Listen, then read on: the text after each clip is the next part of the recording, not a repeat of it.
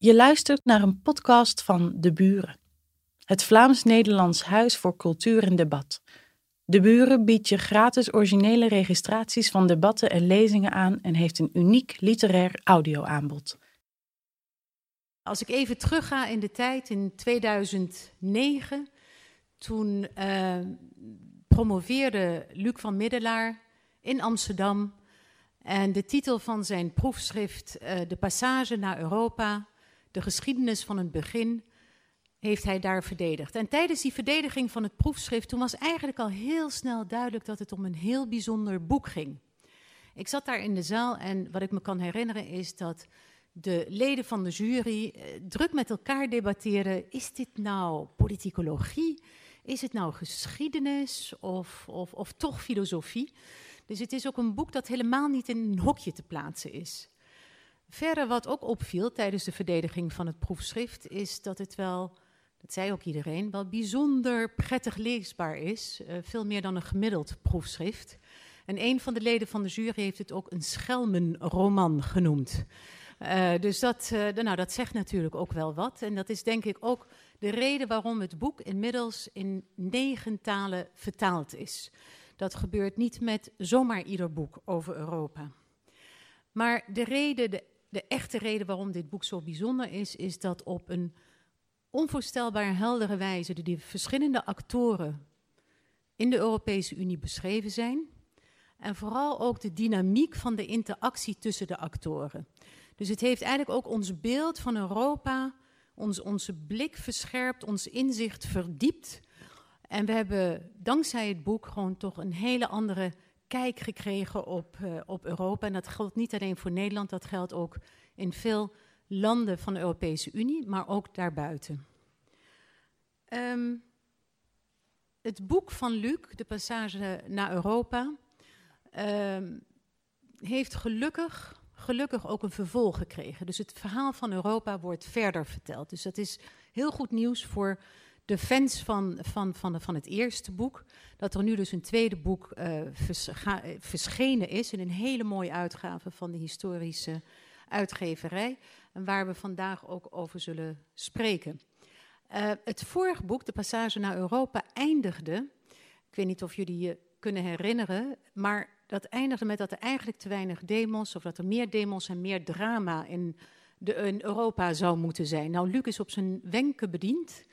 Want uh, kort na het verschijnen van het boek, toen hebben we allerlei crisis. Ik geloof niet dat er een correlatie was, maar we hebben wel gezien dat in Europa uh, de vluchteling, de eurocrisis als allereerste, de vluchtelingencrisis, breuklijnen Noord-Zuid, Oost-West. En uh, dus er waren meer crisis dan, dan wij eigenlijk met z'n allen aankonden.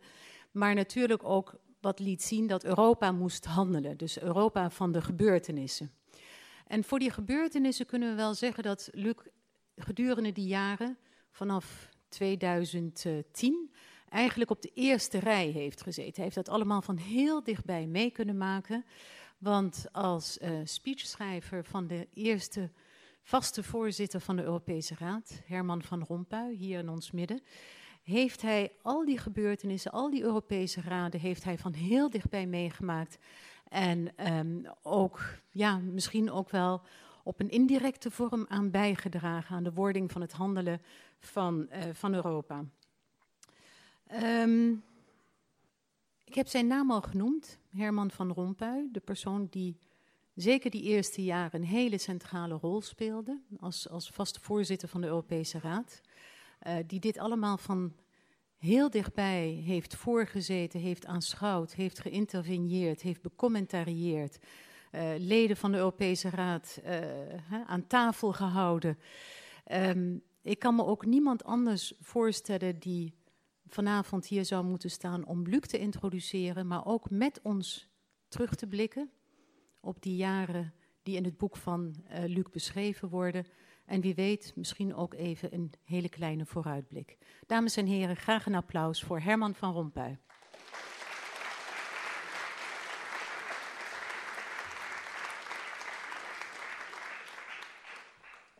Mevrouw de ambassadeur, dames en heren, en ik mag zelfs zeggen, uh, goede vrienden. Ik ben uh, bijzonder blij dat ik dat hier mag uh, inleiden. Luc heeft te veel en te lang mij moeten op een of andere manier inleiden. Nu, zijn de rollen wel eens omgekeerd. En het is een, uh, een boek dat waardig is aan een historicus en aan een filosoof. Het is geen relaas van feiten alleen. Ehm, het is ook geen echt verhaal. Ik ga dat zelfs nuanceren. Want daarvoor zijn de gebeurtenissen, om een woord te gebruiken dat in het boek heel veel voorkomt, de events, zou men zeggen, zijn de gebeurtenissen eigenlijk te chaotisch geweest om daar een, een verhaal, een rode draad, eh, onmiddellijk in te zien. Wat hij doet is eigenlijk het lezen van de feiten. Aan de hand van, in dit geval, van begrippenparen die inzicht moeten geven in het verloop van feiten en van gebeurtenissen. En die begrippenparen die zijn, zijn er verschillende, maar één die centraal staat is regelpolitiek en gebeurtenissenpolitiek. Ik laat dat aan hem straks over om dat uh, uit te leggen. En ook dat uh, oude paar, dat oude koppel, verantwoordelijkheid en solidariteit. En dus aan de hand van die begrippen tracht hij ons uh, wegwijs te maken in, in de laatste, voornamelijk de laatste vijf jaar. In een echt verhaal, daar zit de logica spontaan in. Dat, dat ziet men, dat voelt men, dat, daar zit een, het, het verloopt eigenlijk met een, een bepaalde logica. Hier heeft men de interpretatie van de auteur nodig om de lectuur van de feiten te geven, zodanig dat ja, op het einde er een verhaal wordt van gemaakt. De schrijver maakt ons wegwijs eigenlijk in die chaos. Ik weet niet waarom, maar telkens dat ik voor Nederlanders spreek, en ik denk dat er hier ook Vlamingen zijn, bekruipt mij de, de lust om bijbelse uitspraken te doen. Uh, ik weet niet waarom dat, dat is. Maar hier komt uit de chaos komt orde. Ik weet niet of dat echt bijbels is. Het kan e-, even goed uit de Griekse mythologie komen. Maar voor een Vlaming is het toch niet vanzelfsprekend dat we dat zo op die manier zouden zeggen. En de grote kracht van het boek is precies dat. Dat ze uh, meer inzicht geeft in, uh, in de wirwar van dingen die de laatste vijf jaar zijn gebeurd. En waardoor dat men de indruk heeft effectief dat er toch een verhaal in zit. Het tweede, het boek is, en ik weet niet of het uh, Luc mij dat uh, nu niet kwalijk zal nemen, maar het boek is eigenlijk ook een stukje een apologie van wat er de laatste jaren, de laatste tien jaar gebeurd is. Hoe dat de Europese Unie al improviserend zich telkens uit de slag trok. Georgië, onderschatte gebeurtenissen, want dat had evengoed een invasie van Rusland van een ander Europees land kunnen zijn. De bankencrisis natuurlijk, de euro, Oekraïne, de vluchtelingen, Brexit. Eh, hoe eigenlijk de apocalyptici, en die lopen er genoeg rond, hè, eh, telkens ongelijk hebben gekregen. Natuurlijk is het geen rechte lijn. Het leven is geen rechte lijn. Hè. En in de Europese Unie niet meer of niet minder dan, dan elders. Hè. Uh, de Belg die voor u staat, we hebben eens een crisis gehad van 550, 550 dagen, was geen rechte lijn. Hè. Uh, en wat men nu in Nederland meemaakt, zijn ook geen rechte lijnen. Dus dat, dat is niet typisch voor de Europese Unie. Natuurlijk is er vaak too little en too late gehandeld. Maar in mijn ogen is dat ook voor een deel onvermijdelijk. Maar als ik kijk naar wat er in de Verenigde Staten gebeurt, die heel eenvoudige instelling hebben. Die hebben één president en één parlement. Ik kan niet zeggen dat het een monument van, van helderheid en van stabiliteit is. Daartegen is de Europese Unie bijna een haven van stabiliteit en van zekerheid geworden. Mag ik nog een stapje verder gaan in de echte ironie? What do I call, who do I call if I want to call Europe? vroeg Kissinger.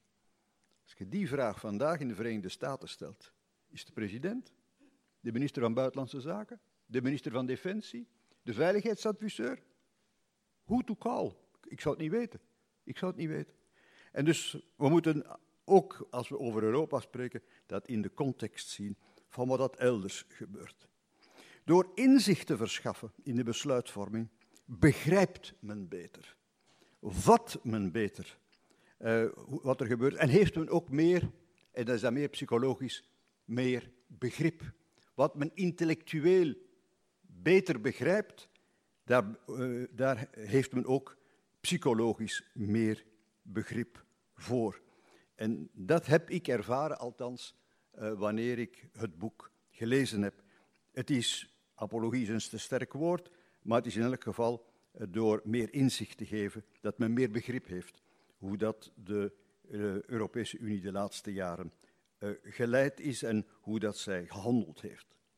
Dames en heren, mag ik ook drie begrippenparen gebruiken om die vijf jaar die ik van mij heb meegemaakt, om die te karakteriseren. Maar eigenlijk zijn die begrippenparen ook van toepassing op wat er in de volgende periode, eh, want het is ondertussen drie jaar geleden dat ik weggegaan ben, de volgende periode zich heeft afgespeeld.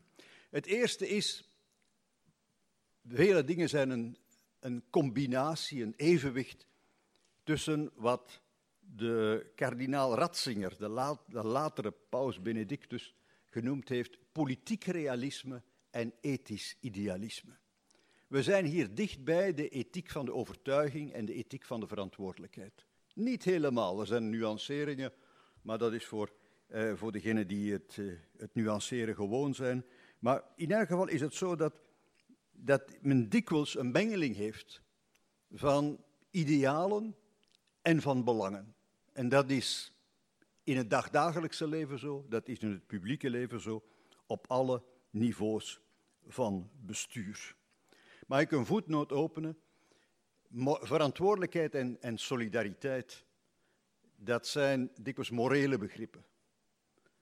Maar zoals ik ze ervaren heb, zijn het eigenlijk geen morele begrippen. Want de moraliteit veronderstelt altijd de vrije wil. Vele landen zijn gedwongen hun verantwoordelijkheid te nemen. En vele andere landen zijn, hadden geen enkele andere keuze meer dan solidariteit te plegen of te tonen. En eigenlijk, ja, waartoe men gedwongen is, is men eigenlijk, eh, eh, heeft eigenlijk de, de, ethische waarde daarvan een veel mindere betekenis. Maar dat is een, voetnoot. In die tweestrijd tussen ethisch idealisme en politiek realisme zou ik een paar voorbeelden willen geven. De zogenaamde welkomenscultuur van Merkel is voor een groot deel ingegeven door wat men in dit begrippenpaar ethisch idealisme zou kunnen noemen. Uh, de realiteit heeft haar in zekere zin en vele anderen met haar ingehaald. Maar in mijn ogen blijft er een heel groot verschil met, tussen degenen die bijvoorbeeld de oplossing van het akkoord tussen de Europese Unie en Turkije hebben goedgekeurd. Want in, bij de bondskanselier en bij degenen die sympathie hadden voor haar oorspronkelijk uitgangspunt, heeft men sindsdien nooit een woord van, ik zou zeggen, een onvertogen woord over vluchtelingen en over migranten gehoord. Nooit een insinuatie zoals bij vele anderen. Dat uh, vluchtelingen, terroristen, verkrachters of whatever zijn. Altijd ging het over human beings. Altijd is het blijven gaan over personen, vanuit die grote personalistische traditie. Dat kan niet van iedereen gezegd worden die eigenlijk hetzelfde beleid uiteindelijk heeft gesteund. En in die zin, wat, het, wat in het boek van Luc staat, is zo waar, is dat politiek ook over spreken gaat. Politiek gaat ook over taal, gaat over hoe men zich richt tot de publieke opinie. Soms zijn uw woorden voor iemand die de kans heeft van in het publieke leven te staan, zijn uw woorden even constitutief voor uw samenleving als uw daden. En dus de wijze waarop men gesproken heeft en nog spreekt in het kader van het vluchtelingen- en migratiedebat of over het probleem, is eh, van nog groter of van, van minstens even groot belang als de daden die men stelt. Twee, een voorbeeld van dat ethisch idealisme en het politiek realisme. De Italiaanse eerste minister Enrico Letta, die niet zo lang uh, eerste minister is geweest, heeft op een gegeven moment een grote operatie gelanceerd, redding in de Middellandse Zee, Mare Nostrum. Luc heeft er een heel stuk aan gewijd. Dat heeft duizenden mensen het leven gered. Op een gegeven ogenblik is Letta weg en zijn opvolger, Matteo Renzi, zegt: Ik stop op 1 november 2014, denk ik, met die reddingsoperatie. Waarom? Omdat Italië zich helemaal alleen voelde. Werd door niemand gesteund, om allerhande redenen. Niet alleen om uh, financiële redenen, maar ook omdat men, en dat vind je ook in het boek van Luc terug, sommigen dachten, ja, hoe meer dat we er redden, hoe meer er zullen komen. Een cynische redenering die ik niet graag voor mijn rekening neem. Maar dat heeft wel een rol gespeeld. En na 1 november heeft de Europese Unie wat bijgesprongen, wat overgenomen, maar zeer timide en niet heel op de kracht die de Italiaanse marine had ontwikkeld. Tot die grote ramp kwam met 900 mensen, de 19e april 2015. Wat tevoren niet mogelijk was, werd ineens allemaal mogelijk. Ineens allemaal mogelijk. Wel, eigenlijk hier is het het omgekeerde dat, het, uh, dat men heeft moeten zien. De realisten werden eigenlijk door de moraal ingehaald. Op andere vlakken is het de feiten die eigenlijk de ethiek inhaalden. Maar hier is het anders gelopen.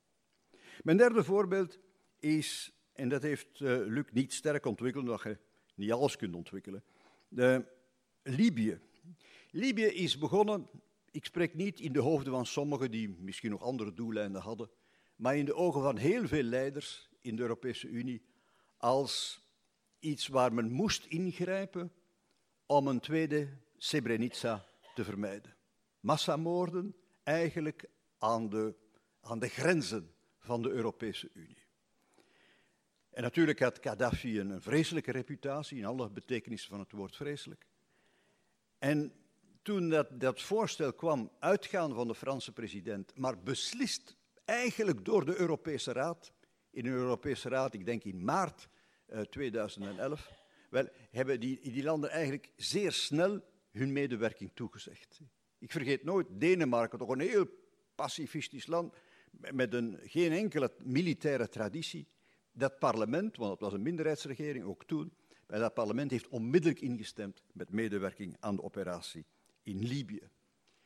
En ik herhaal nog eens, dit is een operatie die eigenlijk mogelijk gemaakt is door de Europese Raad.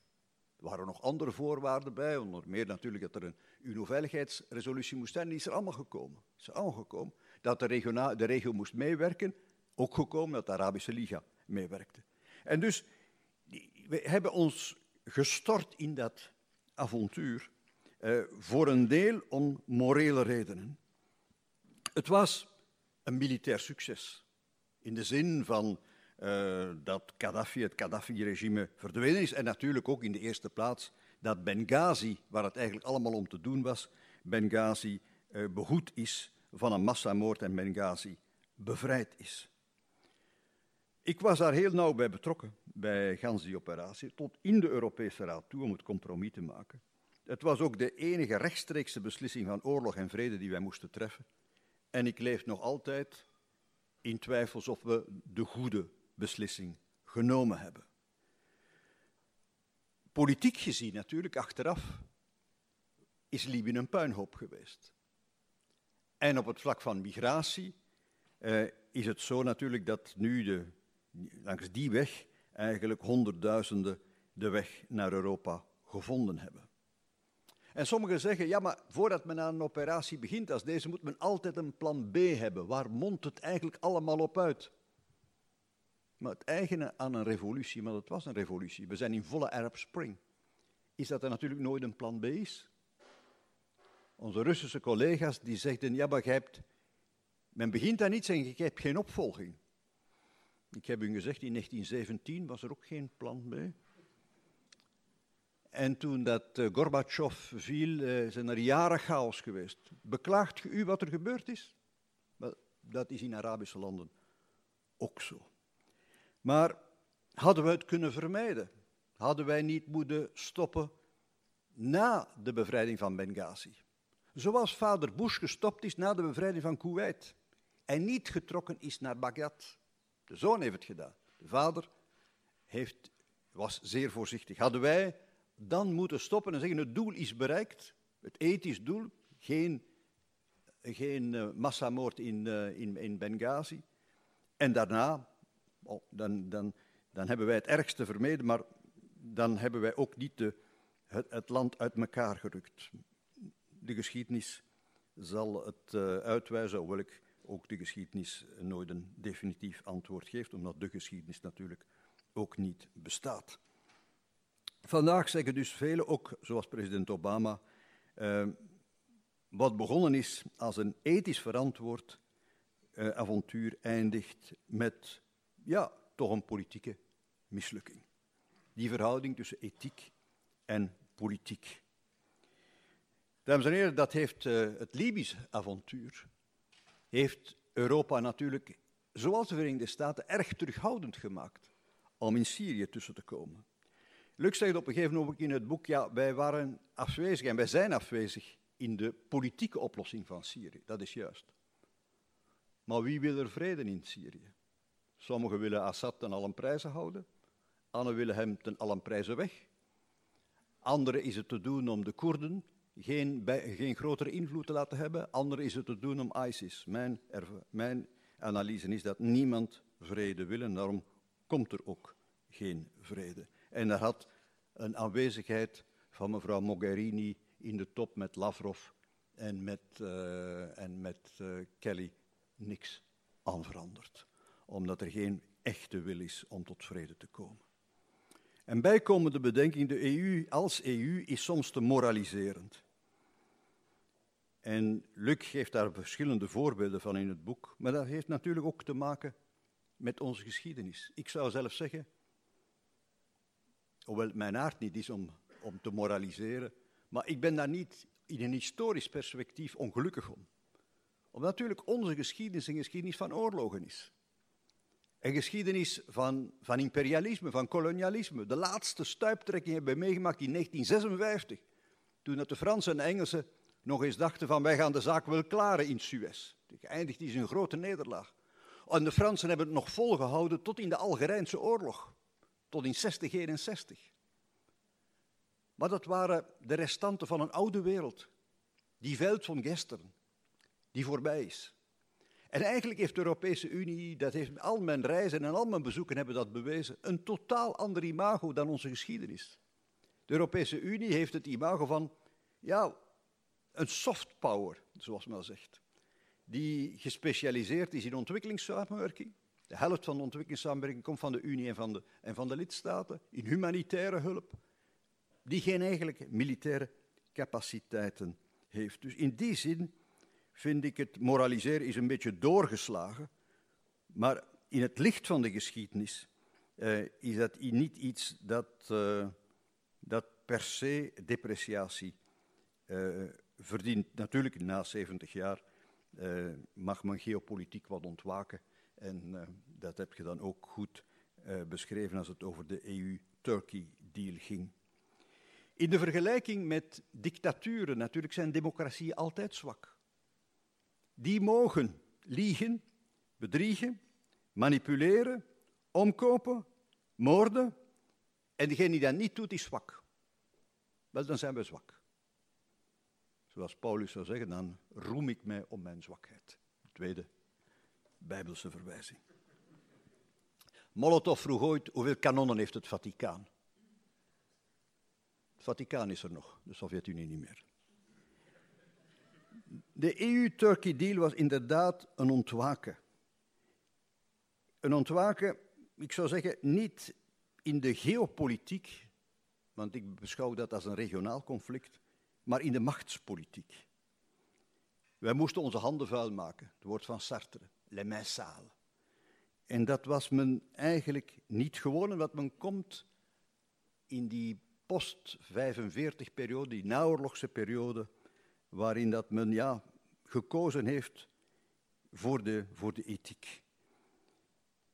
De EU-Turkije-deal is een opvolging van het akkoord tussen Gaddafi en Berlusconi Dat ons dat niet vergeten. En hoe is Berlusconi daar niet voor uitgekreten? Hè? Uh, maar we gaan die voetnoot, die voetnoot sluiten. De tweede koppel van, uh, en dat zal korter zijn, koppel van, van begrippen is in mijn ogen firmness en dialogue. En ik ontleen die aan Pierre Armel, wellicht een van de grootste ministers van Buitenlandse Zaken, niet alleen van ons land gehad, geweest, maar ook een van de, uh, van, van de laten we zeggen, de naoorlogse periode tot natuurlijk de val van de Berlijnse muur. Dat hebben wij gedaan in Oekraïne. Wij hebben een associatieovereenkomst gesloten met Oekraïne, waar ik geen moment spijt van heb. Sommige grote strategen zeggen, men had Rusland meer moeten ontzien. Dat akkoord is gesloten met een Russisch sprekende president, die kwam uit het Russische deel van Oekraïne, Yanukovych. Daarmee hebben we het akkoord gesloten, die dat absoluut al lange tijd gewild heeft, tot hij onder druk is gezet en hij eigenlijk geen keuzemogelijkheid meer had. Wij hebben dat akkoord gesloten en we hebben het ook ondertekend. Ook in de moeilijke periode. Ik heb mijzelf heel erg ingezet in de G7 die wij in Brussel hadden, tegen een aantal leiders in van ons die eigenlijk niet meer wouden tekenen. Precies om Rusland te ontzien. We hebben het wel gehaald en een week later is de president Poroshenko gekomen om het eh, tweede deel van het associatieakkoord in eh, Brussel mee met ons te tekenen. Maar we hebben ook openheid getoond. En zo is het akkoord in Minsk tot stand gekomen. Uh, die eigenlijk ook heel veel levens gered heeft. Die geen definitieve oplossing heeft uh, gebracht. Dat is jammer, want zonder een oplossing voor het Oekraïense probleem zal een herstel van het vertrouwen met Rusland er niet snel komen. In de Brexit-onderhandelingen is het ook hetzelfde per de manche. Firmness en dialogue. Sterk staan op een aantal beginselen, maar natuurlijk een akkoord nastreven. Het absoluut willen een akkoord. En ik hoop dat beide partijen dat, uh, dat winnen. By the way, de eensgezindheid van de 27 over het onderhandelingsmandaat is uniek. Niemand had gedacht dat de Unie daartoe in staat was. En ze is daar eigenlijk heel snel toe in staat geweest. Firmness en dialogue. Persoonlijk geloof ik niet, maar ik kan daar niet eh, over in, de, op de grote invloed van het militaire in de buitenlandse politiek of in de wereldpolitiek. De limieten van de klassieke oorlogvoering zijn aangetoond. Vietnam, Sovjet-Unie in Afghanistan, de Europese Unie in Libië, nog eens de Verenigde Staten in Irak. Welk probleem is er opgelost geweest door die grote militaire operaties? En zelfs de invloed van nucleaire wapens. Zijn Frankrijk en de UK relevante global players omdat zij een kernwapen hebben? De vraag stellen is ze beantwoorden. Is China een wereldmacht omdat zij nucleaire macht heeft of omdat zij de grootste economie in koopkrachttermen van de wereld is. De Europese Unie is natuurlijk te veel een civil power vandaag. Maar als zij met één stem kan spreken, of liever één boodschap kan geven, want één stem zal er nooit zijn. Er zullen altijd 27 stemmen zijn, plus de Europese instellingen en zo meer. Maar als er één boodschap is, dan staan wij sterk en dan zijn we wel een global player. In trade is dat duidelijk, in klimaat is dat duidelijk, Zelfs in de sancties naar Oekraïne toe, wat een, groot, een van de grote problemen was van buitenlands beleid, is dat ook duidelijk geweest.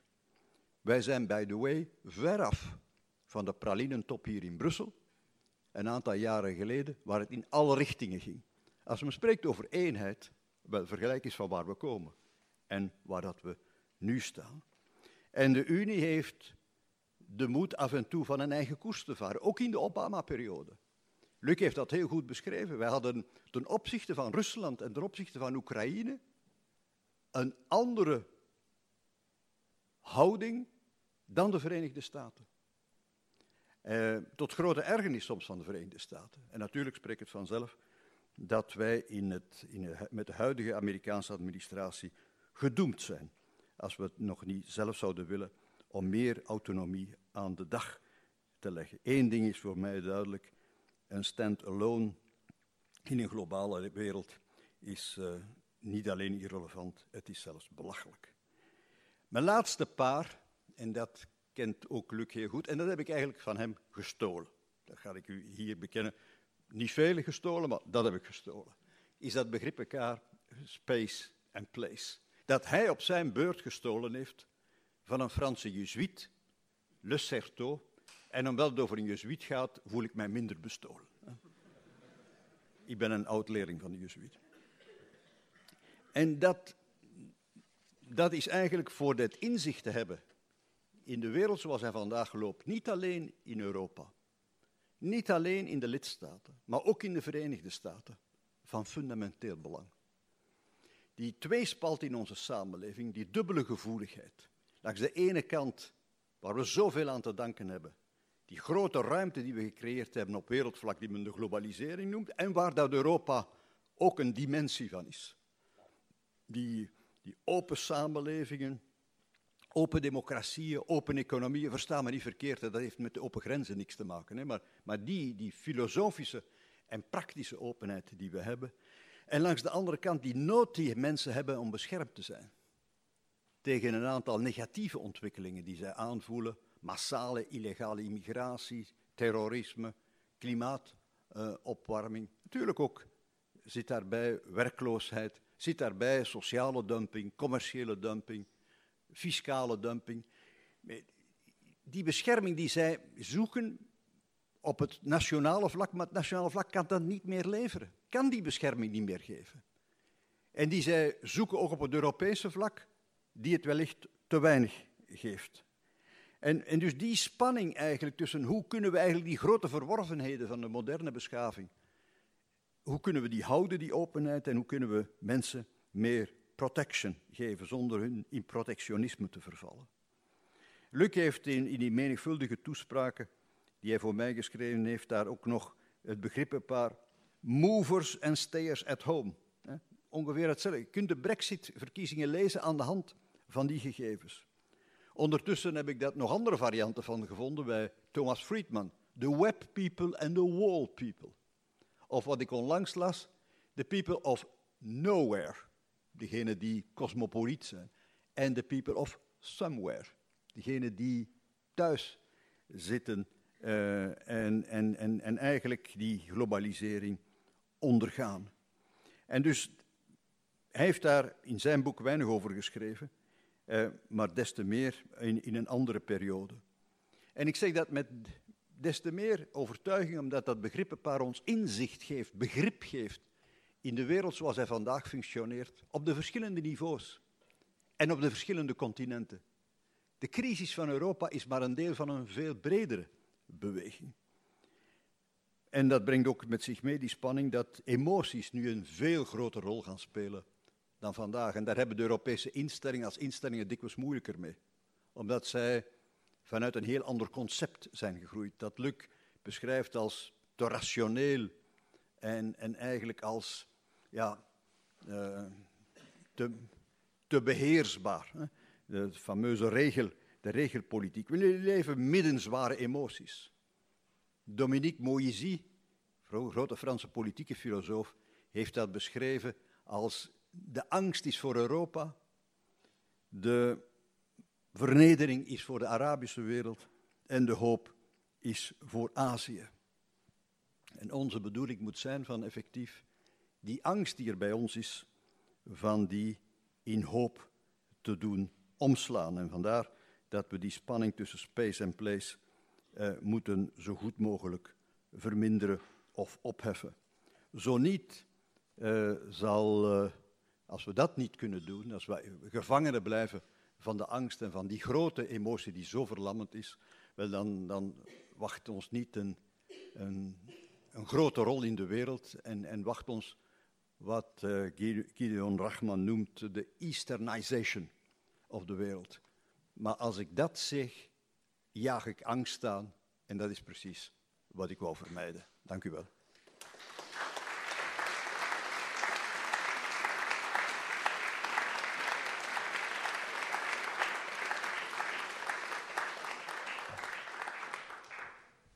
Goedenavond, uh, ik ben Thomas van Hesten, uh, Europa-journalist van het online journalistieke medium De Correspondent. Uh, ik ga vanavond een poging doen om het gesprek over het boek van Luc van Middelaar in goede banen te leiden. we beginnen met z'n tweetjes. Daarna gaan we een panelgesprek voeren met ook Stefan Rummens, politiek filosoof erbij, en Mendeltje van Keulen, griffier Europese zaken van de Tweede Kamer. Um, Luc, ben natuurlijk vereerd dat ik het gesprek over dit indrukwekkende, maar ook confronterende boek uh, met jou mag voeren. Uh, indrukwekkend omdat je heel veel ideeën aandraagt over uh, wat voor beest de Europese Unie eigenlijk is. Confronterend omdat je heel veel, ook door mij gekoesterde overtuigingen bekritiseert, om niet te zeggen ridiculiseert. daarover later meer. Mm -hmm. Het is mhm. interessant om te zien hoe je heel academisch en afstandelijk schrijft aan de ene kant, maar tegelijkertijd heel vilijn. En dat zit in hele subtiele formuleringen. Daar komen we op terug. Maar het is toch ook heel spannend? Heel spannend boek. Um, laten we beginnen met, voel je nou eigenlijk ontzettend bevrijd, nu de heer Van Rompuy niet meer zijn rode pennetje kan hanteren en met jouw mooie ideeën gaat lopen? Dat uh, bevrijdingsmoment was geen bevrijdingsmoment, want het was gewoon het einde van een periode voor, uh, voor hem en voor mij. Het was voor mij duidelijk dat na vijf jaar uh, werk voor de Europese Raad, voor de voorzitter, waar, waar, ik zeer van genoten heb, zeer veel van geleerd heb, maar dat het moment ook weer was om andere dingen te gaan doen. En het is inderdaad, uh, zoals Herman van Rompuy zei, ook alweer eventjes geleden, tweeënhalf jaar geleden. En um, ik was, ik had van tevoren al de keuze gemaakt om mij niet in de Brusselse gouden kooi waar velen van u tot uw grote vreugde zijn opgesloten te laten vangen. maar om weer uh, naar buiten te gaan en in een zekere zin uh, mijn eigen stem te herwinnen, om zo te zeggen. En dus weer te kunnen denken en schrijven wat ik wil. Waarbij ik dan ook, net als de vorige spreker, misschien een voetnoot moet plaatsen. Ook in mijn werk voor de Europese Raad en voor Herman van Rompuy kon ik zeggen en schrijven wat ik wilde. Dat was nou juist waarom ik het ook graag wilde doen. Er was Je volkomen, hebt nooit een geheimhoudverklaring uh, ondertekend. Nee, dat niet, maar er was ook volkomen intellectuele vrijheid. Maar toch merk je, en heb ik pas achteraf gemerkt, dat ik dus, ja, eerlijk gezegd, wat tijd weer nodig had om weer uh, ja, mijn eigen pen te hervinden, mijn eigen, mijn eigen stem te vinden, omdat je toch, ja, als je een vak uh, jarenlang doet, dan gaat je, je hoofd, je, je pen, je hand gaat daar naar staan. Dus uh, de dingen die ik uh, in de eerste zomer na mijn vertrek bij de raad, want ik heb ook nog drie maanden voor de heer Tusk gewerkt, ook een fijne persoon, maar een heel ander figuur zoals u weet. in de eerste zomer van 2015 heb ik al eerste hoofdstukken proberen te schrijven, maar dat, dat was gewoon shit. Hmm. dat, dat, dat heb ik weggegooid. En pas na, ja, dus na een half jaar eigenlijk uh, had ik het idee dat ik een goede combinatie vond van nabijheid, van alles te hebben waargenomen van dichtbij en ook uh, afstand, intellectuele afstand, kritische afstand. Ik denk dan ook um, dat, het, uh, dat dit boek, eerlijk gezegd, ik, ik heb veel woorden van u kunnen onderschrijven, maar geen, zeker geen verdedigingsreden is van wat er allemaal gebeurd is. En toen dat boek klaar was, was er toen iemand hier die dat kritisch moest meelezen en moest besluiten of jij geen geheimen had prijsgegeven? Geen idee. Geen idee, dat is dus niet gebeurd? Dat is niet gebeurd, nee. nee. Dat heeft jou, uh, hoe noem je dat, het Ubrich uh, voor jou al gedaan? Of, uh... Ja, ik zou niet weten bij wie ik dan moest gaan aankloppen. Dat zou ook belachelijk zijn.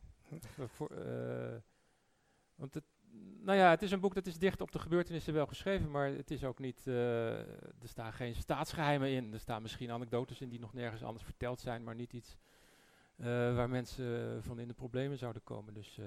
ja. Laten we naar de kernideeën van dit boek gaan. de heer Van Rompuy had al een aantal duo-begrippen geschetst. idealen, belangen, dat is denk ik een heel belangrijk thema in je boek je schrijft eigenlijk dat we in de afgelopen jaren uh, met de eurocrisis, met de vluchtelingencrisis, uh, met de oorlog in Oekraïne hebben ontdekt dat we niet langer de kuise voorganger van universele liefde en rechtvaardigheid kunnen zijn, maar dat we het tijdperk van de machtspolitiek gedwongen mhm. zijn in te treden. Nu, eh, als ik het Europees verdrag lees, dan staat er in artikel 2 dat de Europese Unie berust op waarden. En dan krijg je allemaal mooie dingen te horen: mensenrechten, democratie, gelijkheid, uh, menselijke waardigheid. Is nou eigenlijk jouw boodschap dat we van dat idee dat Europa een waardengemeenschap is, dat we daar afscheid van moeten nemen? Nee, volstrekt niet. Want? Dat, uh, dat weet je heel goed. nou, omdat... Ik stel je de vraag om je de gelegenheid te geven om het uit te leggen. We voeren het even op. ik denk dat het, uh, daarom noem ik dat een moment van, van bewustwording, dat de Europese Unie ervaart dat waarden alleen uh, niet genoeg zijn om het in de wereld van vandaag te bolwerken. En ehm, kijk, het idee van de Europese Unie, uh, die natuurlijk begonnen is als een, als een schitterend idee van enerzijds een technisch project van het bouwen aan de markt en anderzijds een moreel project van we, we zijn de voorhoede eigenlijk van de wereldvrede. Hè. We beginnen met zes landen en steeds meer en tot, tot dat zich over de hele wereld uitspreidt. En dat idee hebben we zelfs nog kunnen volhouden toen de muur viel. En toen kwam Fukuyama met het einde van de geschiedenis. En toen dachten we, nou, dat gaat nog steeds allemaal de goede kant op. Nou, uh, en, en, en, en wij kunnen daar aanjagende rol in spelen, onze waarden exporteren. En, uh,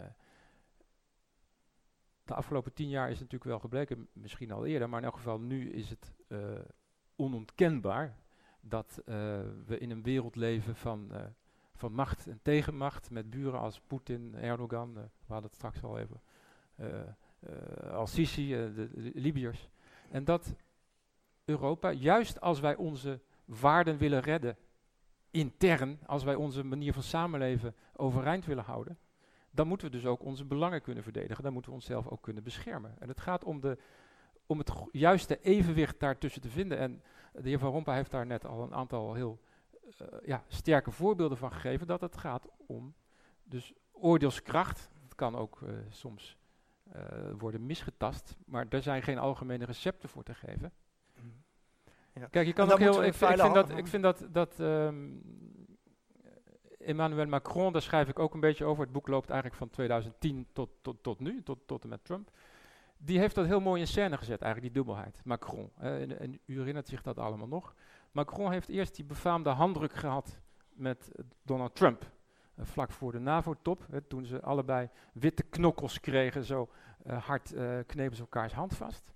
En achteraf heeft Macron dat dan uitgelegd, want dat is natuurlijk een Frans, wat ijdel politicus in de Journal du Dimanche, paar dagen later, waarom hij dat deed. Nou, en de reden was dat hij eigenlijk wilde tonen, bewust te zijn dat als je met uh, met, nou ja, dus ook met Trump of met, met Poetin spreekt, dat je dan dus zeg maar de uh, alfaman-achtige uh, machtspolitiek moet kunnen bedrijven. En omdat je respect moet kunnen rekenen. Maar dan de andere kant, een paar dagen later of een week later of zo, had hij Poetin op bezoek in Versailles. Ook fantastische mise en scène natuurlijk. En daar las hij Poetin de les publiekelijk over de persvrijheid in Moskou. Hè? En dat, is een uh, mooie evenwichtsact waarbij je die, die, die beide polen eigenlijk ziet. Van, ja, je, we moeten en willen voor onze waarden uh, optreden en, en opkomen, maar wel in het bewustzijn um, van tegenkracht, tegenmacht, van, en, en, en, en dus ook mogelijke conflicten daartussen. Ja, laten we één concrete casus nemen hè, over die balans tussen uh, machtspolitiek en waardenpolitiek. Uh, de heer Van Rompuy heeft het ook al aangestipt, de EU-Turkije-deal. Ja. Voor veel mensen was dat een soort verlogening van de Europese waarden. Hè. We, wij gingen in tegen, tenminste er is nog steeds juridische discussie over, maar we gingen in tegen het vluchtelingenverdrag. we besteden ons eigen probleem uit aan een land waar eigenlijk geen deugdelijke asielprocedure is wij schonden het internationaal recht, zeggen critici, verlogenden onze eigen mm. waarden. Voor jou is dat een prachtig voorbeeld van ja, hoe wij eigenlijk verstandige machtspolitiek hebben bedreven. Kun je dat uitleggen? Ja, omdat daar uh, dus de erkenning in zat dat er iets moest gebeuren, dat de situatie op dat moment, toen 1 en een kwart miljoen vluchtelingen in op enkele maanden tijd over de zee waren gekomen, over de Balkan gelopen naar, naar, naar het noorden, de situatie liep totaal uh, uit de hand. Er, er moest wat uh, gebeuren. We, zijn dus nu een, een, een, een, vijf maanden na de welkomstcultuur en Weerschaffendas van Merkel. En de Europese Unie heeft zich toen handelingsbereid en bekwaam getoond. enerzijds op de Balkan en anderzijds door die deal met Erdogan te sluiten. Maar het was niet, opnieuw zat daar die dubbelheid in. Het was niet alleen van hier heb je 3 miljard euro Erdogan en uh, hou ze maar tegen. De andere kant van die deal was ook te zeggen, ja, wij nemen voor elke vluchteling die wordt teruggenomen van Griekenland uh, naar Turkije, nemen wij ook één uh, vluchteling, Syrische vluchteling, rechtstreeks op uit de kampen in Oost-Syrië. Dus het was eh, er werd ook een pad voor legale migratie eh, geopend. En je zag daar dus die beide, enerzijds gastvrijheid, barmhartigheid, anderzijds veiligheid. Dat zat natuurlijk achter op dat moment. We zijn hier, vergeet niet, maart 2016. Ehm, angst voor uh, anti-Europees uh, nationaal populisme. Dit was een paar maanden voor het Brexit-referendum. Voor dat referendum kwam die deal eh, te laat in zekere zin, zou je kunnen zeggen.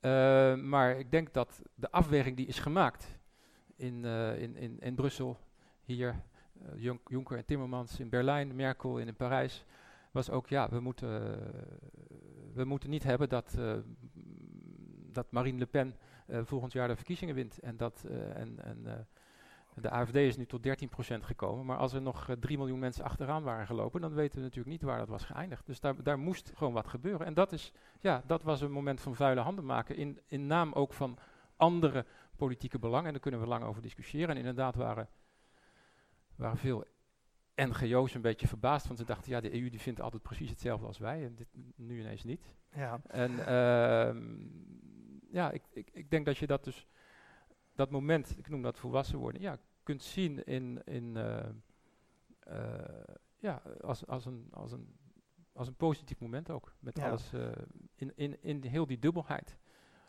van een Europese Unie die ook politieke kracht ontwikkelt. Okay. Op die angst voor nationalisme en populisme gaan we straks terugkomen, ongetwijfeld met politiek filosoof Stefan Rummens. nog even naar een ander heel belangrijk thema in je boek, om even het speelveld te schetsen.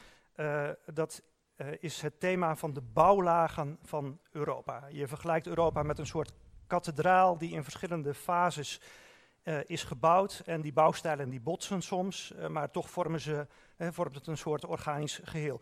De eerste bouwlaag is, zou ik kunnen zeggen, het Europa van de regels. Het technocratische Europa. Het idee dat je alles kon depolitiseren door het mhm. maar in normen te gieten. En dat kwam heel goed uit bij het opbouwen van de interne markt. Uh, de tweede bouwlaag was de eerste poging om toch weer politiek in Europa te brengen. En dat is via uh, nou ja, het Europees Parlement en het idee dat Europa politieker moet worden uh, door ja, een soort federaal Europa op te bouwen. Het Europees Parlement tegenover een regeringachtige Europese Commissie. En de derde bouwlaag is de bouwlaag van de Europese Raad, de, de, nationale leiders die samen om tafel zitten en ja, op die manier politiek uh, bedrijven. Jouw sympathie lijkt heel erg te liggen bij je broodheer. En je bent buitengewoon kritisch over het idee dat Europa moet, uh, de, de, tweede bouwlaag, dat Europa moet uh, federaliseren.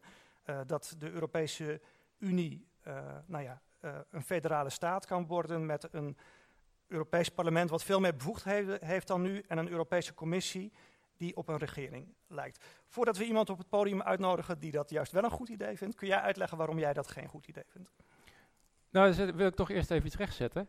Uh, ik ben blij dat onze uh, gastvrouw, ambassadeur van de Heuvel, Mariam, zojuist heeft gesproken over mijn eerste boek. Daar mhm. schrijf ik precies dezelfde dingen. Ja. Ook over de plaats van de Europese Raad als, als krachtbron van Europees politiek handelen. Okay, en, dat broodheer dus dat, dat broodheer is, is flauw. uh, want um, dit zijn dingen die ik al heel lang vind en die ik, die ik heb ontwikkeld ook vanuit een, een, een, een ja, analyse over hoe de politieke Europese orde zich, zich heeft ontwikkeld. -hmm. Nou, dat beeld van die, die bouwstijlen, in, in mijn boek zeg ik ja, hè, zoals je in, ik maak, maak dan een vergelijking, zeg ik. Hè, je hebt wel eens in, in, in Rome ga je oude kerk kijken, en dan is het een barokkerk. En daaronder ligt dan uh, nog een uh, renaissance kerk. En als je dan geluk hebt, dan mag je in de catacomben nog een uh, Romaans bouwplannetje van diezelfde kerk bekijken. Europa is in dit, deze metafoor ook een, uh, een kathedraal met drie bouwstijlen, die heb ze genoemd. Maar het probleem is dat die drie architecten alle drie nog aan het doorwerken zijn. Tegen elkaar in. Die zijn, hè, dus die, de Romaanse bouwheer is nog steeds bezig met depolitiseren. De, de gotische, zou ik maar zeggen, of de, renaissance bouwheer van de, het parlement, die is ook nog steeds bezig. Zeggen, nou, we gaan dat koor, dat parlement, dat gaan we nog eens lekker in de verf zetten. En die, die derde bouwheer, die, de, de barok, hè, dus die zegt, nou, politiek doen we via nationale politiek. Die is ook nog bezig. En dat, dat werkt dus steeds uh, tegen elkaar in. En ik gebruik dat beeld om precies te doen wat ook Herman van Rompuy zei, om dingen leesbaar te maken. Want iedereen anders denkt het is maar, maar chaos van instellingen, een weer waar niemand begrijpt wat. Nou, nee, het zijn drie bouwplannetjes die eigenlijk alle drie hele grote continuïteit hebben. Hun eigen aanhangers. Uh, dat, uh, het federale bouwplan heeft aanhangers in België en in Duitsland. Het toppenbouwplan al jarenlang in Frankrijk. Nou, en bij mij, maar goed, verder vooral in Frankrijk. en, en dat depolitiseren, dat doet men natuurlijk graag hier in de commissie. En dan, dan valt het in één keer veel beter in elkaar. Nou, en de vraag is dan, welke vorm van politiek kan je bedrijven met die, met die, die twee politieke bouwplannetjes? En is, daar is mijn, uh, ja, mijn, mijn, mijn observatie eenvoudig weg. Dat wil je grote, zware politieke besluiten nemen, zoals het, waar het in de afgelopen jaren over ging. Besluiten die gingen over honderden miljarden aan euro's voor Griekenland of voor reddingsschermen. Besluiten over de verdeling van 160.000 asielzoekers over de hele Europese Unie besluiten van, van oorlog en vrede, sancties voor Rusland. Dat type besluiten, die vragen om vorm van politiek gezag, politiek persoonlijk gezag, dat, like it or not, hè, like it or not, dat moet worden gebracht door nationale politieke leiders. En het is heel prettig dat daar een plek voor Europa is waar ze die samenkomen een aantal keren per jaar. Waar alle Merkels, Macrons, uh, Theresa May, uh, Charles Michel en, en, en Rutte en hun collega's uh, onder voorzitterschap nu van Tusk, waarmee Mark Rutte zit te dineren op dit moment. Lazen wij op openbare agenda's.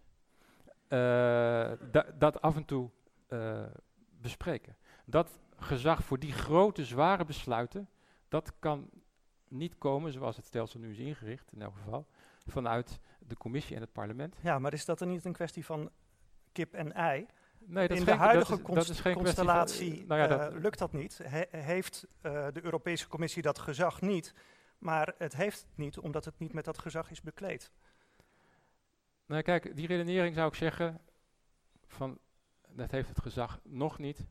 Dat kon je zeggen in 1957 en in 1967 en 77 en 87 en 97. Maar het is een soort eeuwig nog niet gezag. Het is de eeuwige nog niet regering. En het langzaamaan parlement. En op een gegeven moment moet je de conclusie trekken, nee, dit, dit is niet de goede denklijn. Er is inmiddels een andere denklijn, een andere uh, uh, tegen het gebouw aangebouwd. Eerst van buitenaf overigens, want van de doctrine mocht het niet. Hè. De Europese Raad is er van buitenaf tegen aangebouwd. Maar die zit nu uh, in het hart van het systeem, omdat de plaats is waar nationale en Europese politiek samenkomen. Omdat de plaats is waar Europese politiek niet gereduceerd kan worden tot Brussel, hè, nou, ik ken het hier ook, ik spreek ook de taal natuurlijk, hè, uh, maar waar mensen, Europese burgers kunnen zien, ja, Europa, dat is ook een unie uh, van landen en dat is waar we, waar we samen in zitten. En ik denk dat dat uh, ja, de beste gok is, als het ware, voor de organisatie van, van handelingsvermogen, voor een Europa dat meer moet doen dan het oude regelen uh, waar ik ook over schrijf en dat u allemaal hier goed kent, omdat velen van u daar hun, hun brood hebben mee verdienen.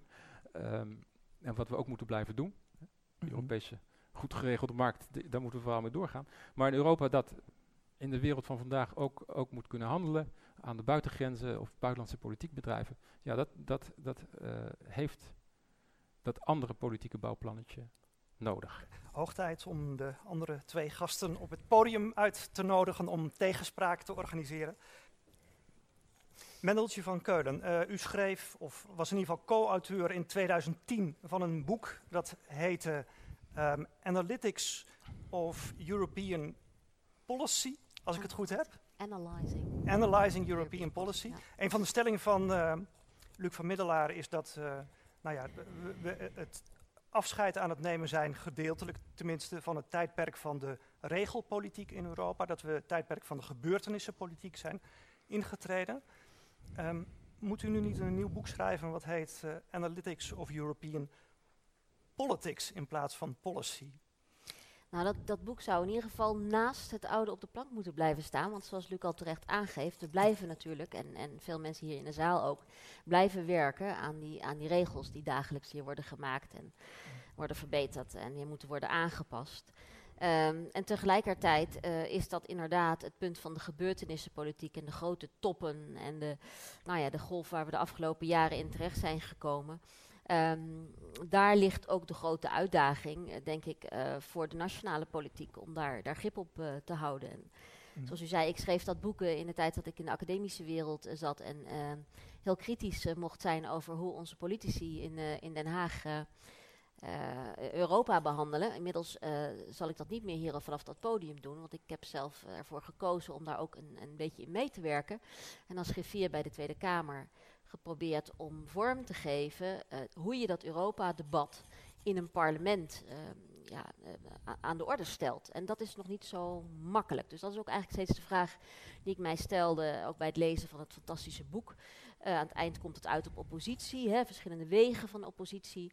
En ja, dan is voor mij en overigens ook voor een aantal van u vermoed ik de vraag hoe dat dan in zo'n hoofdstad ehm, voor een bestuur, maar ook voor een legitiem parlement welke wegen dat nou biedt. Ja, want dat is een van de grote thema's hè, aan het slot van het boek. Oppositie, een van de, hè, de grote makken zou je kunnen zeggen van de Europese Unie zoals hij nu is, is dat er geen ruimte is uh, voor oppositie. Uh, dat, en als er geen ruimte is voor oppositie, dan gaat de oppositie niet zozeer meer tegen concrete politiek, maar tegen het systeem op zich. En dat is eigenlijk de verklaring van het ontstaan van uh, populisme zou je kunnen zeggen. Dat sluit naadloos aan bij wat uh, u uh, in uw boek Wat een theater schrijft.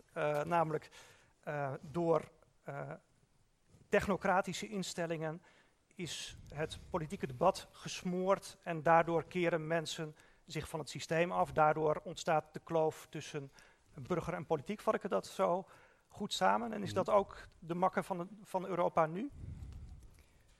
Hoe was uw vraag? Is dat ook de? De, de makke, de, de, kort, is dat een Nederlands woord wat dat u in Vlaanderen niet een kent? Nederlands woord, Och, ja, ik zit bij de, bij de Vlaams-Nederlandse uh, stichting Ons Erfdeel, dus ik okay. moet weten wat de Vlaams-Nederlandse gevoeligheden zijn, maar makke is een woord wat u niet kent, nee, begrijp nee. De tekortkoming. Dat is, dat is denk ik het, het, het grote probleem. We hebben te weinig politisering als het gaat over Europese politiek. Uh, en daardoor is het voor de burger heel moeilijk om te lezen wat er juist gebeurt op, op Europees niveau. Is het moeilijk om een Europees publiek tot stand te brengen.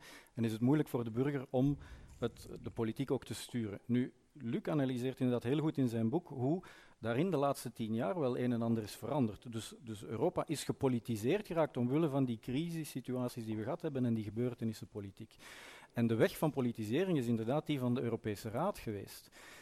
Op zich is dat al een stap in de goede richting, maar mijn grote bezwaar daartegen, om dat nu als ideaalmodel ook voor de toekomst naar voren te schuiven, is dat de politisering die gebeurt in en rond de Europese Raad, is altijd een politisering die loopt langsheen de, de, lijnen de breuklijnen tussen de verschillende landen. Ja? Ja. Dus de, de framing van het debat is altijd een debat in termen van het is Griekenland tegen Duitsland. Of als het gaat over de migrantencrisis, het is Oost-Europa tegen de rest.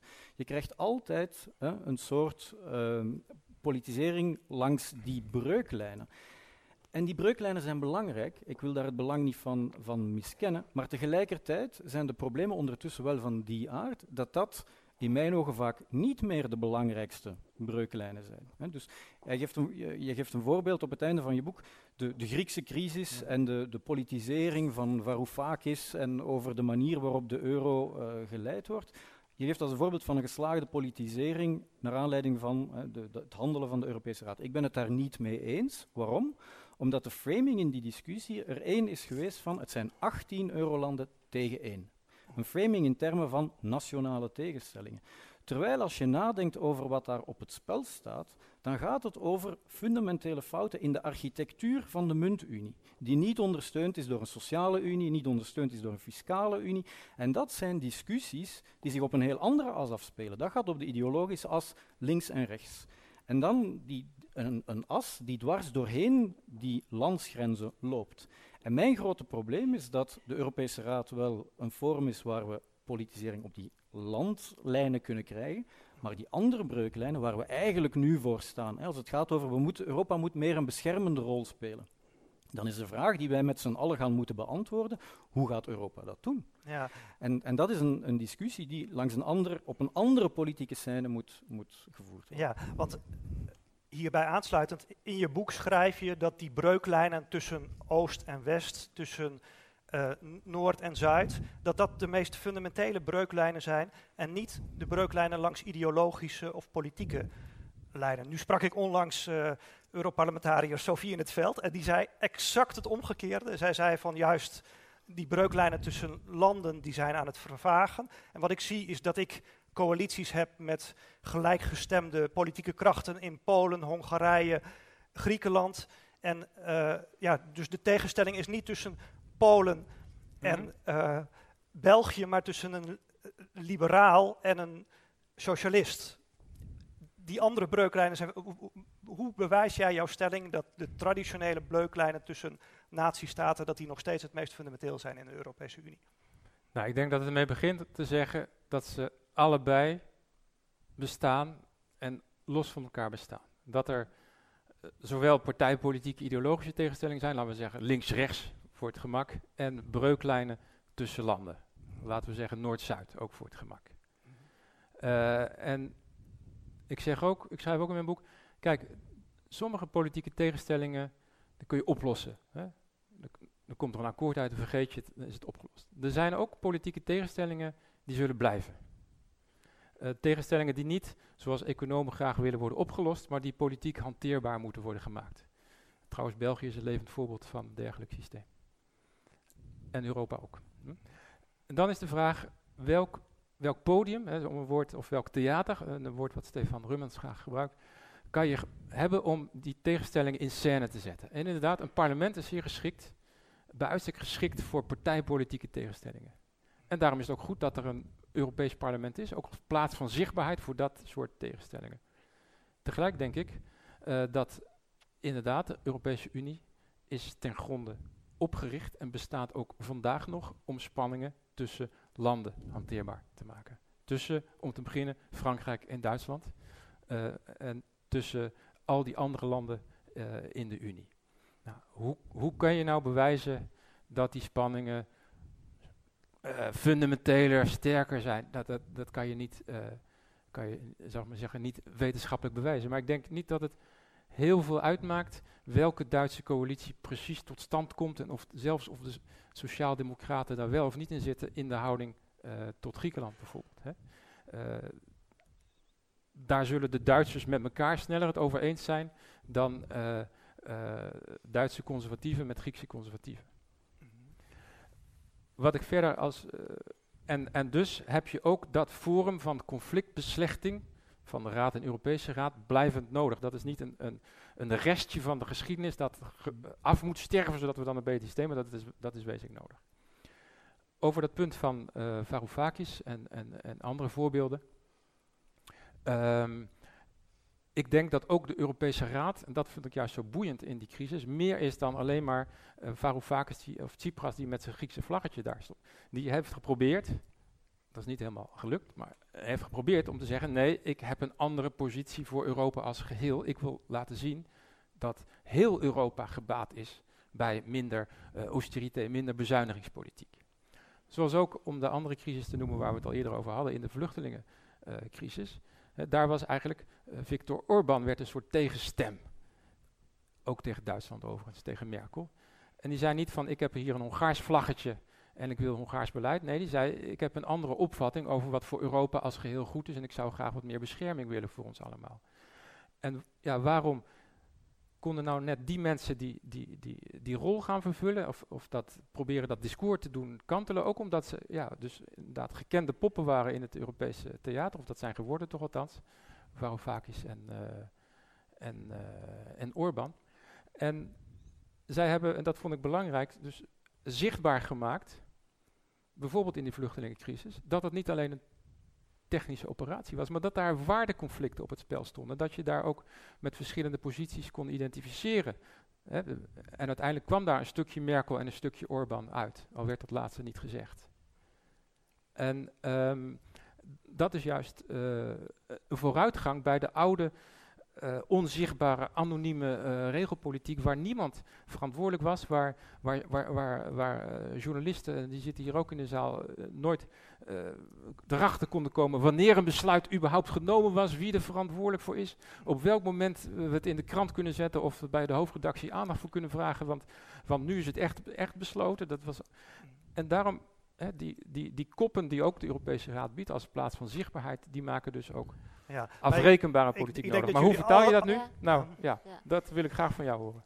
Nou ja, op twee niveaus. Ehm, want dat is inderdaad de vraag. Als je zegt, hoe moet je nou ehm, nationale politici, individuele Kamerleden in mijn geval, eh, ministers, misschien in een deel van jullie geval, hoe moet je hen nou ehm, daarin de faciliteiten bieden? Ehm, die techniek van het Europese. Hoe haal je daar de politieke keuzes uit? Dat is nog niet zo makkelijk. Europa heeft daar in de loop van de decennia een eh, groot eh, vermogen in opgebouwd om veel dingen plat te slaan eh, door die depolitisering en eurojargon.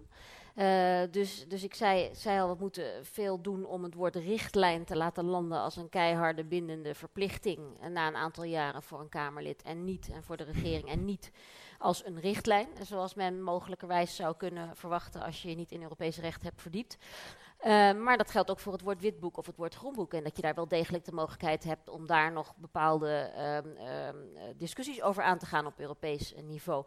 Dus dat is ten aanzien van die onderwerpen, eh, de technische, de oude, de markt, de depolitisering, maar dat gaat nog steeds door, een poging om grip te houden. Maar ten aanzien van die euro, van die toppen, de EU-toppen, de eurotoppen, is dat nog niet zo makkelijk. Vanwege, ja, als je steeds de vraag stelt wie, ehm, wie legt er nu verantwoording af in dat nationale theater, dat binnenhof, voor eurotoppen. Eh, nou, en als meneer Rutte daar dan staat, onze minister-president, hoe gaat hij dan zeggen, ja, maar eigenlijk het is zo gegaan, ja, goed, ik dacht er ook anders over. Maar, en dat debat komt natuurlijk heel weinig op, eh, op gang. Er is een interessante studie geweest ook eh, eh, over hoe parlementen proberen grip te houden op Europese raden en eurotoppen. Daar komt wel uit naar voren dat dat steeds vaker gebeurt. TEPSA heeft dat onderzocht een aantal jaar geleden. Het gebeurt steeds meer. Ehm, maar openbaarheid, dat, eh, dat verhoudt zich slecht tot de, de geheime eh, toppen. Dat is ook soms natuurlijk nodig. Achter, achterkamertjes zijn nodig. Je beschrijft ook in je boek, als we te veel transparant zijn, zullen zich andere achterkamertjes gaan vormen. Maar voor een parlement is het natuurlijk ingewikkeld. Hoe weeg je een krachtenveld? Hoe eh, kun je inschatten dat wat de minister-president daar vertelt over een bepaalde belangenconstellatie, of dat het verhaal is, als je daar geen controle op kan uitoefenen? Maar als dat moeilijk is Dat op nationaal niveau, is dat dan juist niet een reden om dat op Europees niveau te creëren? En dat is volgens mij de boodschap van Stefan Rummens, of niet? Inderdaad, ja. En leg eens uit. Wel, omdat ehm, wat er belangrijk is aan, aan, aan oppositie, oppositie en dus de, de, de mogelijkheid tot tegenspraak zal maar de legitimiteit van de instelling in de ogen van de burger herstellen op het moment dat er een veel directere band opnieuw ontstaat tussen het beleid dat gevoerd wordt en de stem die de burger ook echt kan uitbrengen bij verkiezingen. En op het moment dat de legitimatie alleen doorheen die nationale parlementen verloopt, dan is die band veel te indirect. Want inderdaad, de minister-president kan zich altijd verschuilen achter, ja, ik heb de boodschap wel overgebracht, maar ik heb het niet gehaald. En hij wordt daar, of hij kan daar niet electoraal voor afgestraft worden. Eventueel, wel, Dan kan worden weggestuurd. Zal, zal dat gebeuren omwille van Europese zaken of omwille van nationale kwesties? Wel, maar dat is dus een soort dubbelzinnigheid en een ondermijnen van de leesbaarheid van de besluitvorming opnieuw. Het is van veel groter belang dat er daarnaast een ander kanaal is, een veel rechtstreekser kanaal, waar de Europese beleidsmakers verantwoording afleggen aan een Europees parlement en waarbij de Europese kiezer bij de Europese verkiezingen kan kiezen voor een alternatief als hij of zij dat wil. En dus zolang we die veel directere band niet herstellen, dan heeft de oppositie ook geen zin. Dus oppositie is essentieel in een democratie, daar zijn we het over eens. Maar wat jij onderschat, denk ik, na lectuur van, van jouw boek, is dat zo'n oppositie maar kan werken op het moment dat de kiezer ook het gevoel heeft van die oppositie, dat is iets waar ik kan mij daarop richten, ik kan mijn hoop daarop stellen, ik kan daar ook voor stemmen. De, de oppositie en de meerderheid zijn electoraal gemotiveerd om in, in beweging te komen. En als je te indirecte wegen hebt via die nationale parlementen, dan loopt dat mis. Hè. Jouw voorbeelden opnieuw van Viktor Orban of van Varoufakis. Ja, stel dat ik het eens ben met Orban zijn visie op hè, hoe we migratie hier moeten organiseren. Hoe kan ik dat electoraal uiten? Je krijgt wel een debat, maar de link naar de kiezer is nog niet gelegd. En de enige manier om dat te doen is via de traditionele parlementaire weg, maar dan op een Europees niveau. Ja, ja maar eh, mag ik eh, daar even een kleine kanttekening plaatsen? U, zegt het met uh, hele nette woorden, maar u roept hier in feite de revolutie uit. Hè? En ja, daar kan ook applaus voor komen natuurlijk. Uh, zo is het niet. Maar wat, wat u hier voorstelt, dat is een totale omvorming van het volledige Europese politieke stelsel. Toegaan naar één regering met hoofdletter R en één parlement. Dus daarmee ook de afschaffing, met zoveel woorden zegt u niet, maar daar komt het dan natuurlijk op neer, van uh, 28 nationale democratieën. Uh, want de, de articulatie daartussen, dat zal, uh, dat zal nog niet zo eenvoudig zijn. En dan onderschat u een klein dingetje, denk ik. dat is namelijk de wezenlijke pluraliteit en de historische pluraliteit van, van dit continent. En de uiteenlopende visies en belangen op het politieke bestaan alleen al tussen twee van uw buurlanden, Frankrijk en Duitsland, die zijn, die zijn uh, immens. En het wonder van de Europese Unie is dat we erkennen dat we 28 landen zijn met talen, culturen, parlementen, uh, belangen, en dat we tegelijk dingen samen willen doen. En dat leidt soms inderdaad tot wangedrochten. Hè? Zoals dat we één munt hebben met één centrale bank en 19 regeringen die daarover gaan. Ja, dat is natuurlijk uh, kolderiek. Hè? En dan zegt u, net als sommige economen, nou dan moeten we van twee dingen één. Of we schaffen die ene munt af, of we schaffen die nationale democratie af. Daar, en en, en um, ik denk dat beide niet zal gebeuren. En dat uh, die crisisjaren uh, en de, de, politieke energie die de, die, uh, de afgelopen jaren er is ingestoken om te zorgen dat die spanning die er bestaat, nogmaals hanteerbaar kan worden gemaakt op een betere manier, op een verfijndere manier.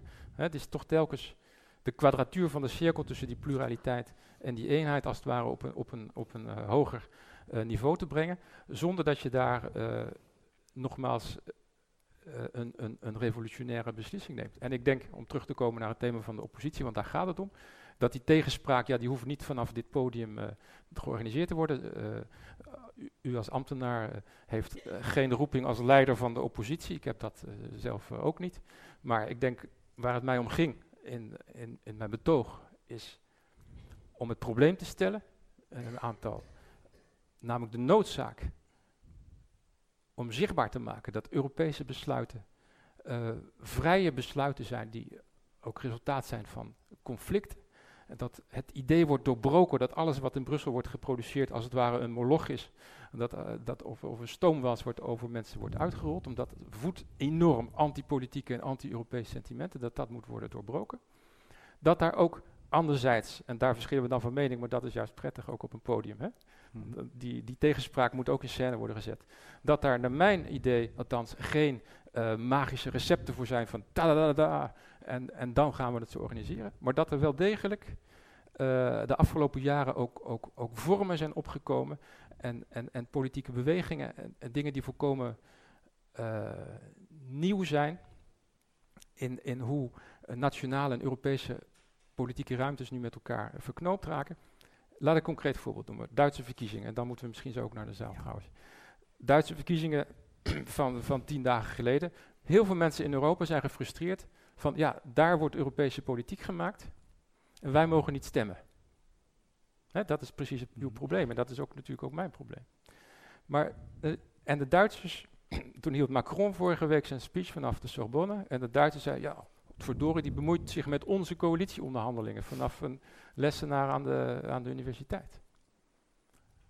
Maar toch, ik vind dat eigenlijk ook heel spannend. Hè? Dat, uh, dat iedereen zich nu gaat bemoeien met Duitse binnenlandse politiek.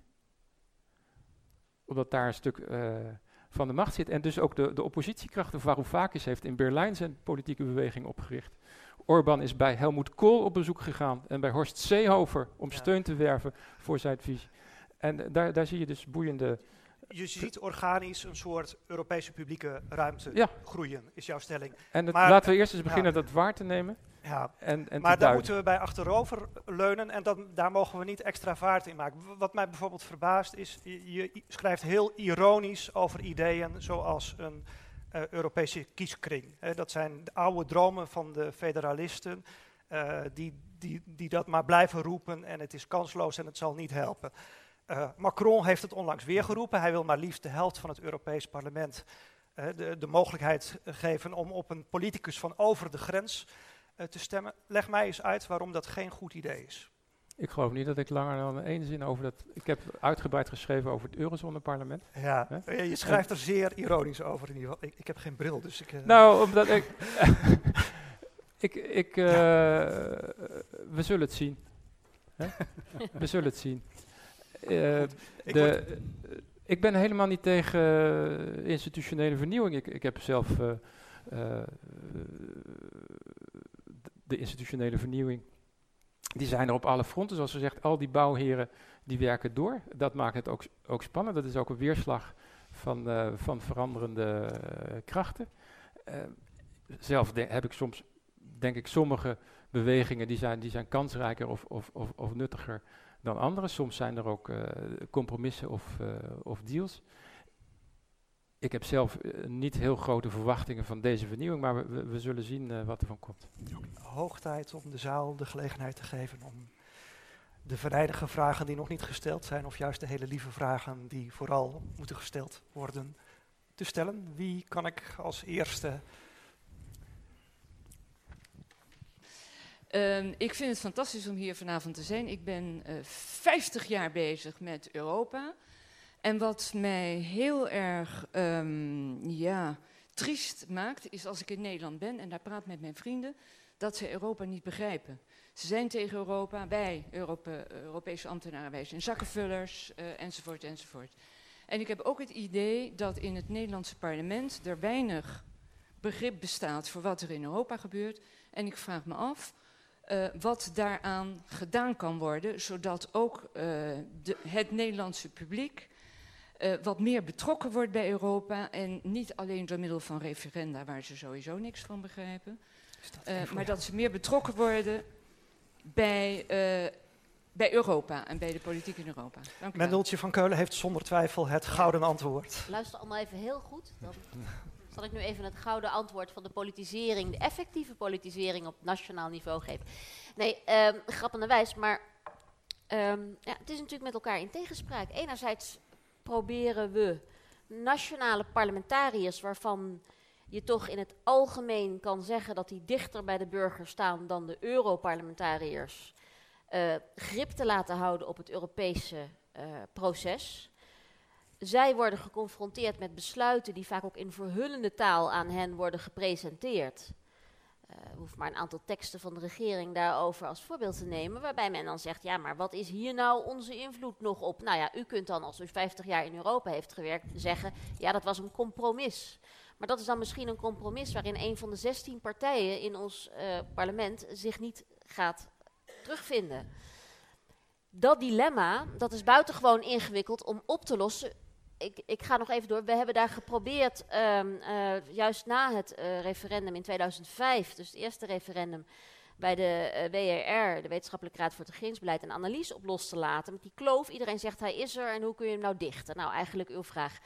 En daar was een van de belangrijkste uitkomsten. Ja, dat kan niet op één plek in een democratisch bestel. Dat moet gebeuren door een samenspel van politici die bijvoorbeeld het incentive moeten hebben dat invloed in Europa niet automatisch leidt tot het zakken op de kieslijst. Want een parlementariër die zich inzet voor Europese zaken maakt zich over het algemeen niet populair op de eigen uh, politieke kieslijst. Of bij de achterban of in de zaaltjes waar hij of zij herkozen hoopt te worden.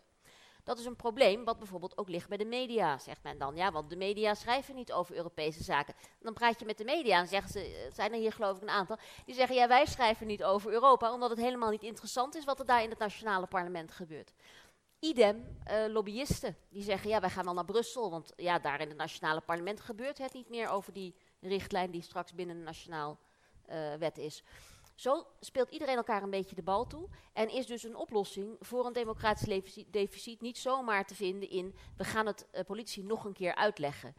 Ik heb dat zelf ook, ook geprobeerd, hè, ook als academicus. Het is heel verleidelijk om te zeggen, we gaan een cursus Europa organiseren. En dan leggen we het nog één keer uit. Ik weet niet of u dat ook in uw vriendenkring heeft geprobeerd rond het referendum destijds. Wat is mij in ieder geval niet, uh, niet gelukt.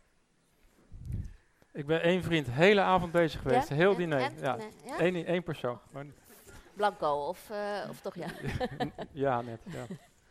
Um, de institutionele vernieuwing die er gekomen is met de voorzitter van de raad, de permanente voorzitter, heb ik, toen meneer Van Rompuy aantrad, een stuk geschreven over de raadspensionaris Johan de Wit, in Nederland nogal bekend, in Vlaanderen totaal onbekend, behalve voor een paar historici.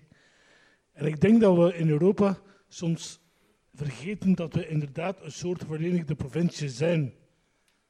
Dat we niet gezien hebben tussen 49 of iets later 57 en 79 bij de eerste Europese verkiezingen, dat die regeringen inderdaad soevereine leden waren van Europa. En het probleem nu is, en ik kijk naar een Thierry Baudet, die daar zegt, Europa is tegen ons. Maar Europa is, en nu moet ik een andere vergelijking maken, de enige manier om een great community te maken die in de wereld iets te zeggen heeft. Want elk van die 9, 28 eh, lidstaten min 1, ja, die gaat nooit meer in de wereld een gewicht in de schaal werpen. En welk gewicht en hoe dat politiek vertaald wordt, dat is niet alleen de zaak van de politici of van de journalisten of van lobbyisten of van wie allemaal. Het is onze zaak. En wij Europeanen, ik ben een Vlaming zoals je hoort, wij hebben middelen nodig, maar we moeten ze zelf scheppen om mee aan het debat deel te nemen. En zoals Heeft u van Middelaar... prangende vragen die u uh, nee, wil stellen? Ik ga, ik ga erop uitkomen. Want dat is de vraag die Luc van Middelaar in zijn vorige boek geschreven heeft. Waar is het Europese publiek? Ikke hommel. Dat is mijn opmerking. Kijk naar de mens. Wij moeten niet altijd vragen stellen, wij mogen ook een betoog afleggen. Ja, het mooie van het Europese publiek is dat het ook mag terugpraten, inderdaad. Dat is een vrij publiek, democratisch publiek. En ik zeg ook, ik schrijf in mijn boek, als je instemming vraagt voor besluiten, wat voor die grote besluiten moet, dan kan je er dus op rekenen dat je niet alleen ja kunt oogsten, maar ook nee of boe. En dat hoort, dat hoort erbij. Uh, ik denk, ja, heel kort, het is niet echt een vraag, maar, en we willen ook naar de borrel. Maar toch is het Europese publiek nu een heel ander publiek dan tien jaar geleden. Uh, mensen hebben, weten nu, u weet, wij weten wat het betekent om één munt te delen. Namelijk dat je ook met Griekse politiek moet bezighouden. We weten nu dat de zuidgrens van Nederland en de zuidgrens van België de Middellandse Zee is. Dat wisten we vier jaar geleden nog niet. We weten nu dat we buren zijn van Oekraïne en dat dat niet alleen een hobby is van Polen. Wat we ook nog tot voor de MH17 dachten in Nederland. Dus die crisis die hebben ook een ontzettend Europees politiek bewustzijn verdiept. Hè? En uh, ik ben inderdaad soms wat ironisch, bijvoorbeeld over Brusselse foldertjes. En dat is niet omdat ik denk uh, dat dat niet helpt, maar omdat uiteindelijk, uh, zeg maar, eh, historia magistra vitae, het is de, de, de, geschiedenis, de ontwikkeling, de gebeurtenissen die ons overkomen, die maken ons, doordringen ons uh, van, van dat wij inderdaad Europeanen zijn, Europese landen zijn. En die zullen ons ook het beste kunnen overtuigen dat we dat handelingsvermogen moeten organiseren. Maar ik wil dus nooit daarbij het publiek onderschatten. Nou, dat lijkt mij een hele mooie slotsom van deze avond die voor mijn gevoel pas net is begonnen, uh, debat. Maar uh, we moeten alweer afronden. Heel veel dank, Mendeltje van Keulen, uh, Stefan Rummes en Luc van Middelaar. Luc, jij wilde nog een ja. plechtig moment.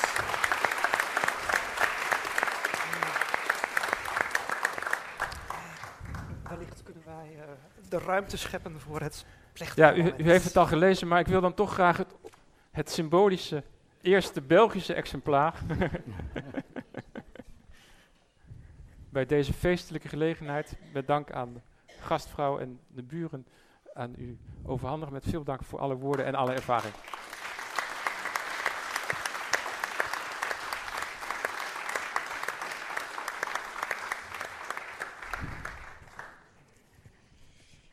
Dames en heren, ik, uh, ik, zat enkele dagen geleden aan de keukentafel met mijn kleinzoon van vier jaar. En dan zei hij onverhoeds, opa, wat wil jij later worden? En ik moest er onwillekeurig aan denken tijdens deze avond, want eigenlijk ging het erover, Europa, wat wil je later worden? Dat was eigenlijk het thema. We werden heel mooi op weg gezet, we hadden het ook niet anders verwacht, door eh, Herman van Rompuy, die ons wees over het voortdurende dilemma tussen politiek realisme enerzijds en ethisch idealisme anderzijds. Een Europa tussen veiligheid en heiligheid, zullen we maar zeggen. En dat klonk nog even door in het, in het gesprek met Luc van Middelaar, ook in het debat dat daarop volgde. Al snel ging het over, over de bouwstenen van Europa. Het was toch merkwaardig hoe telkens weer de termen van bouwen doorklonken. Het ging over bouwmeesters, het ging over breuklijnen, het ging over achterkamertjes en het belang van al of niet zichtbaarheid daarvan. En al snel kwamen we natuurlijk bij de relatie tussen Europa en zijn burgers. Ook dat was eigenlijk een rode draad in het gesprek van vanavond. Het boeiende gesprek waarvoor ik eigenlijk alle sprekers bijzonder dank. Ik denk dat wij een, uh, een eminente podiumbezetting hadden. Ik dank iedereen daarvoor. Ik dank uh, de moderator Thomas van Hester. Ik dank de inleider Herman van Rompuy. Ik dank Luc van Middelaar, rond wie het vanavond allemaal draaide. Uh, van Keulen en ook nog Stefan Rummens, dames en heren.